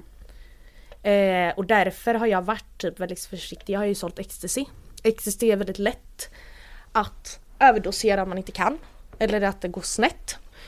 För problemet är att i Sverige har vi väldigt mycket egentryckta ecstasy. Och vad menas med egentryck då? Att det är någon i en källare som sitter och blandar ihop det. Ja. Du kan köpa pillerpressar från nätet. Så, men de heter godispress. Så folk kan sitta i en källare rent tekniskt sett. Och så blandar de lite allt möjligt men hur ska någon som gör det här veta att nu är inte jag någon kemist eller Nej, sådär. precis. Men att vi säger nu att 25% ska vara MDMA, 25% amfetamin, sen kanske någon annan fentanyl i. Du vet inte om det blir 50% i ett piller. Av en, alltså av vissa 50% Nej, hur ska man göra en fördelning? för det är inte gjort ja. i ett laboratorium. Nej. Nej. Så att Oh en tablett God. kan vara väldigt mycket starkare än den andra tabletten. Ja. Och jag var ju väldigt noga med att varna mina kunder om det här. Att om det var, om jag, jag provade oftast ecstasy själv först för att jag ville veta. Och kunna ge, och jag sa ju, alltså det var någon gång jag fick tag i riktigt starka, alltså jag såg spindelnät i taket och allt möjligt. Eh, jag kommer ihåg att jag liksom sa det, jag bara, väl, jag bara ta en kvart åt gången, jag bara dela tabletten på fyra för att de kickar in jätteolika. Mm. Och de här var nästan så lite nonchalanta. Alltså vi tar nästan ecstasy varje helg. Jag bara men du fattar inte, det här är någon så här Förlåt mig, skit-ecstasy tänkte Ja, jag. Men jag kunde mm. inte säga att mina egna produkter var skit. Nej. För de var inte skit, de gjorde sin grej. Mm. Men jag kunde inte, om, även om de hette 200 mg, det kunde varit 500 mg Ja, eller 100 precis. mg. Det är det som är så... Och det är också farligt i, det finns indiska tramadol som är röda. Det är lite samma med dem också för de är tryckta också så att du kan få mer av ett ämne i, alltså så de Ja. är olika och det, det är ofta så också många kanske dör. Att har de tagit tramadol 400 mg som är utskrivna från ett svenskt apotek Mm. och så går de sen och köper indiska eller serbiska så dör de. För att det kanske inte är 400 mg sannolikt eller 200 mg. Åh herregud. Och det måste man tänka på när man säljer droger också, att du vet inte. Du är Nej. ingen kemist. Alltså du har inte gått någon, du kan inget om den här sk- skiten egentligen, du kan bara sälja skiten. Mm. Men du vet knappt ens vad, själv vad det är du Nej alltså säljer. jag själv vet att jag hade Alltså en kund som hade åkt in på piss Och att de hade hittat metamfetamin och fentanyl i kisset Så det var ju de här excesserna var så han ring, ringde ju och sa det till mig bara så du vet det är me- meth liksom. Metamfetamin. Och det är skitfarligt alltså det är så här, det är ju inte, alltså köper en ecstasy-tablett ska kul, du vill ju inte ta metamfetamin. Så du, man får tänka på det, de här tabletterna kan vara lite allt möjligt. Ja. Kan vara vad som helst utan att man har koll. Men hur kommer det sig att du liksom kan och vill prata om eh, det här idag? Jag har ju gått vidare idag och jag ser ju hur kriminaliteten går yngre, yngre, yngre, yngre ner. Och det finns inget, alltså det, jag säger inte att jag skrä, vill skrämma bort folk men jag vill att de ska tänka en extra gång innan du går in i branschen. Jag hade ett skyddsnät. Jag kommer från en Alltså skulle det i värsta värsta fall hända mig någonting, jag har aldrig behövt liksom blanda in min pappas släkt eller sådär. Eller någon av mina mammas gamla pojkvänner som ändå så har varit jag, har, jag kommer från den här, alltså händer någonting mig, någon kommer rädda mig. Alltså du har ett skyddsnät Exakt, jag har ett skyddsnät. Ja. I den kriminella världen. Ja. Exakt. Mm. Det har, är de, vem, sk- alltså vem ska din pappa rädda dig? Som jobbar på ICA, det går inte. Spelar ingen roll för det var någon, det är visst, åh min pappa är ah, spelar ingen roll hur, hur arg du tycker, hur läskig du tycker din pappa är. Alltså bland de här, de struntar i det. Mm. Så att jag rekommenderar inte någon att göra det och tänka att det gick bra för mig. För jag har bara haft ren jävla tur att jag inte har suttit, att jag inte blivit skjuten, jag har inte blivit våldtagen. Det är bara alltså en på miljonen kanske att jag inte blev det. Mm. Hade jag fortsatt så hade det nog då hade jag nog hunnit bli utsatt för det är värre klimat idag. Mm. Hade jag fortsatt sälja droger idag, jag hade blivit rånad direkt. Av de här små. De hade kommit Mm. efter mig för de har ingen respekt. Så att eh, folk måste tänka, det är inte bara sälja droger och tjäna feta pengar och polisen är väldigt mycket duktigare idag än vad de var för bara Alltså nu, jag, det är ju inte så att jag sålde droger för tio år sedan, så jävla länge sedan var det inte. Men de har mycket mer koll idag. De kommer också s- skärpa ett straff. alltså att du kan det. ju, du, för en, ett gram cannabis kan du få fängelse. Är det värt sex månader av din frihet? Man får inte tänka på ett vanligt jobb på sex månader. Ish. Alltså en låg inkomst. Vi säger att du tjänar 20 000 i månaden. Mm. Du tjänar ihop de här 100 000 på fem månader på ett vanligt jobb. Utan huvudvärk, utan hot, utan att behöva vara rädd för polisen. Även om du röker, du, du kan flumma utan att någon förmodligen kommer märka att du flummar. Du kan leva ett helt vanligt liv. Det är mycket mer värt de pengarna. Än att tjäna 100 000 på en månad. Alltså för man får inte tänka på det är ett jobb. Ditt jobb ingår att du inte ska bli upptäckt av polisen. Folk ser inte det så, men det är ganska stort. Du jobbar mot polisen, mot myndigheten. Det är en stress som folk glömmer bort. Men du nämnde ju också först att du liksom också vill prata om det för att inte liksom börja, Ja. eller att du, du Ja liksom det här blir ju det. min så säkerhet nu Ja. när jag outat mig själv. Ja, Att jag kan inte gå tillbaka. nej. Alltså skulle jag gå, då jag kommer ju torska några dagar senare. De kom bara Nathalie, vi hörde vad du sa där. Du är inte någon, du har ingen inneboende, du kan inte skylla från dig. Det här blir min säkerhet att aldrig gå tillbaka. För har det funnits en risk, alltså har du varit rädd att, det, att du ska Alltså gå tillbaka? inte nu men pengarna lockar ofta. Eller när man liksom vet att skulle jag bara connecta de här två personerna hade jag kunnat tjäna 20 lax på det bara för att jag har connectat dem i en affär. Det är svårt. Och nej till de där 20 000 för det är liksom vad jag måste jobba åtta timmar om dagen en hel månad för att få. Mm. Men det är inte värt det. Det är inte det. Nej. Men nu har du gett jättemycket bra tips, men om man är liksom ung och lyssnar på det här och kanske Mm. befinner sig i liksom, ja men i, i utkanten eller i liksom den kriminella världen. Vad skulle du vilja säga till, till en sån ung person? Det finns, alltså, eh, många är rädda för SOS. Men det finns bra personer. Och ge inte upp om det är så att socialtjänsten, vi säger att de tilldelar dig en person och du känner att det här klickar inte jag. Men säg det då och testa med en ny. Du kan inte bara ge upp för, efter första. För sån var jag liksom. Jag sa, gillar inte jag personen kommer inte jag kunna. De bara, det är inga problem, vi provar, då får du byta sen i så fall. Mm. Eh, och sen problemet är Många kanske är rädda att folk kommer tycka, att dina vänner kommer tycka att du är en dräng, att du är en tönt och så vidare, att du går ut. Men vet du vad, när du har kommit över till den andra sidan, du kommer inte vara vän med dem ändå. För de flesta som är kriminella, det är väldigt få som sitter och äger en lägenhet, som äger en bil. Alltså om inte du på topp, men de, de kan inte ha det på sitt namn ändå. Så du hade, när du har jobbat efter ett år så har du typ kommit ikapp dem ändå så här, på papper vad du äger ändå. Ja. Du kan ta ett lån liksom. Alltså det är inte värt det. Nej. Det är verkligen inte värt det. Mm. Du, Du, kommer får pengar men du ändå. förlorar så jävla mycket Exakt, du kan andra. inte göra så mycket om inte du är extremt grovt, grovt, grovt kriminell och har mycket pengar och har kontakter. Du kan, utan att bli upptäckt, kan du inte göra så jävla mycket med de här pengarna. Du kan inte köpa en lägenhet Nej. för flera hundratusen kontanter. Precis. Eh, du kan knappt gå och köpa en bil idag för flera hundratusen kontanter. Alltså till och med, jag vet ju när jag köpte en bil på Blocket, det var, ju nästan ingen som ville ha mina kontanter. Nej, nej, Nej. såklart. Fast det liksom ändå var en privatperson, de ville inte ha kontanter. Nej. Det går inte att göra så mycket med de här pengarna än att tyvärr slösa dem på skitsaker som Ja. mat, fina kläder. Du är Men ändå så extremt bakbunden liksom. Ja. Mm. Vad gör det av slutdagen då? Att du har fina kläder och käkat en god ryggbiff? Mm. Det är skitsamma. Ja. ja. Och du blir också, den dagen när det slutar, du blir extremt efter i arbetslivet. Jag började arbeta för två år sedan. När jag kommer liksom till mitt till ett jobb och de bara, vad har du jobbat med innan? Vad ska jag säga att jag har jobbat med? Jag har ett glapp på fyra år. Mm. Man känner sig som en, jag känner mig som ett mongo. Alltså på riktigt, bland vanliga människor. För jag visste inte vad jag skulle prata om, jag kände mig så mycket efter dem. Liksom, vissa mina liksom hade börjat köpa lägenhet och grejer. Visst, jag hade förmodligen mer pengar än dem men jag, jag kan inte göra de här grejerna. Nej.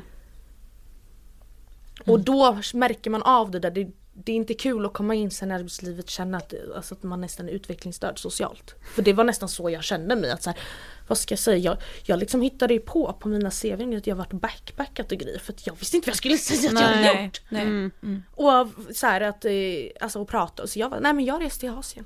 Mm. Volontärarbeta.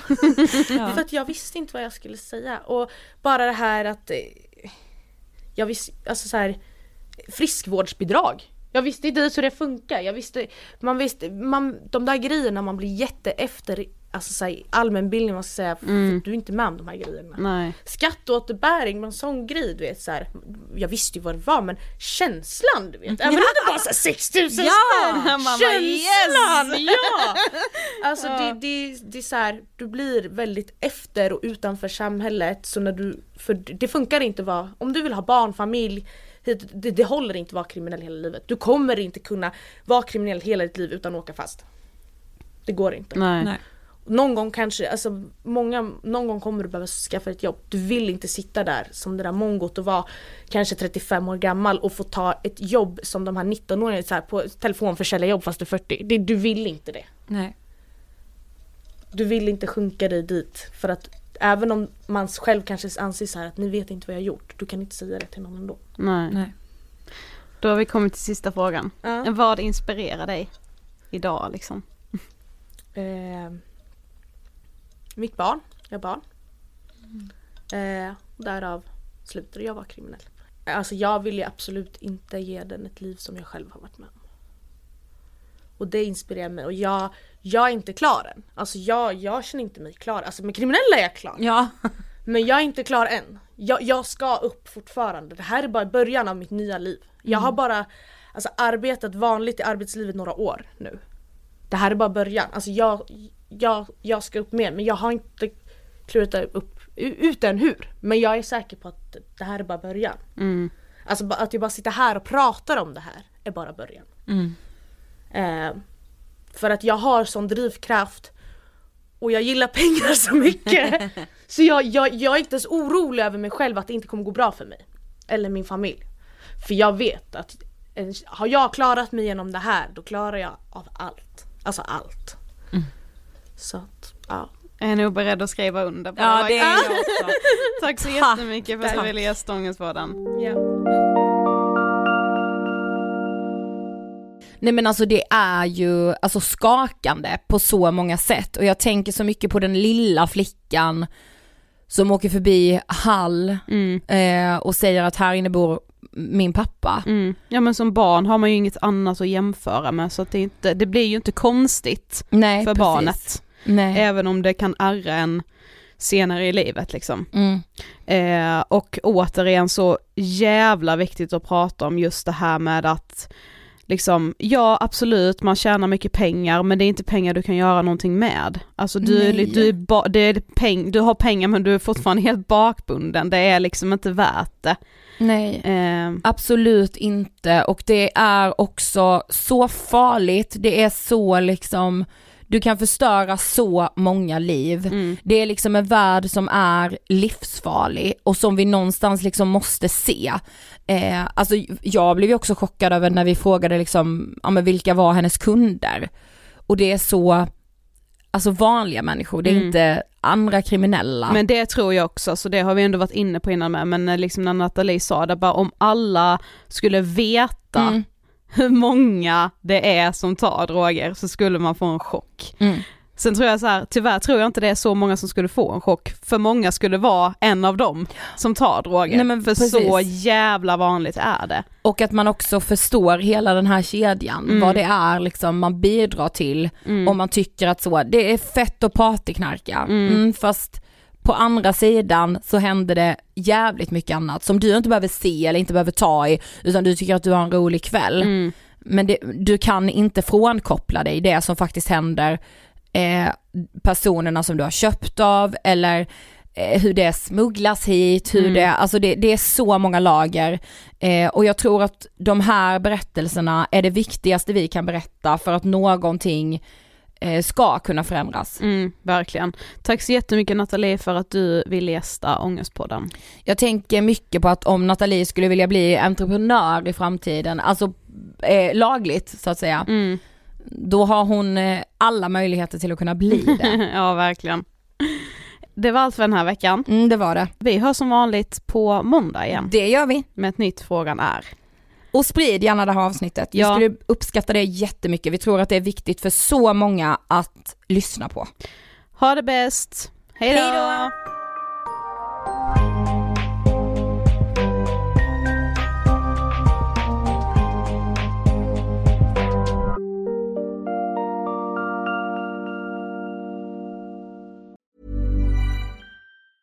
Planning for your next trip?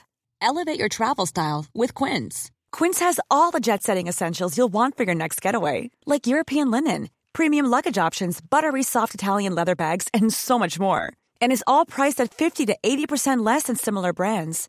Plus, Quince only works with factories that use safe and ethical manufacturing practices. Pack your bags with high-quality essentials you'll be wearing for vacations to come with Quince. Go to quince.com slash pack for free shipping and 365-day returns. Mom deserves the best, and there's no better place to shop for Mother's Day than Whole Foods Market. They're your destination for unbeatable savings, from premium gifts to show-stopping flowers and irresistible desserts. Start by saving 33% with Prime on all body care and candles. Then get a 15-stem bunch of tulips for just $9.99 each with Prime. Round out Mom's menu with festive rosé, irresistible berry chantilly cake, and more special treats. Come celebrate Mother's Day at Whole Foods Market. Hey, it's Paige DeSorbo from Giggly Squad. High quality fashion without the price tag. Say hello to Quince.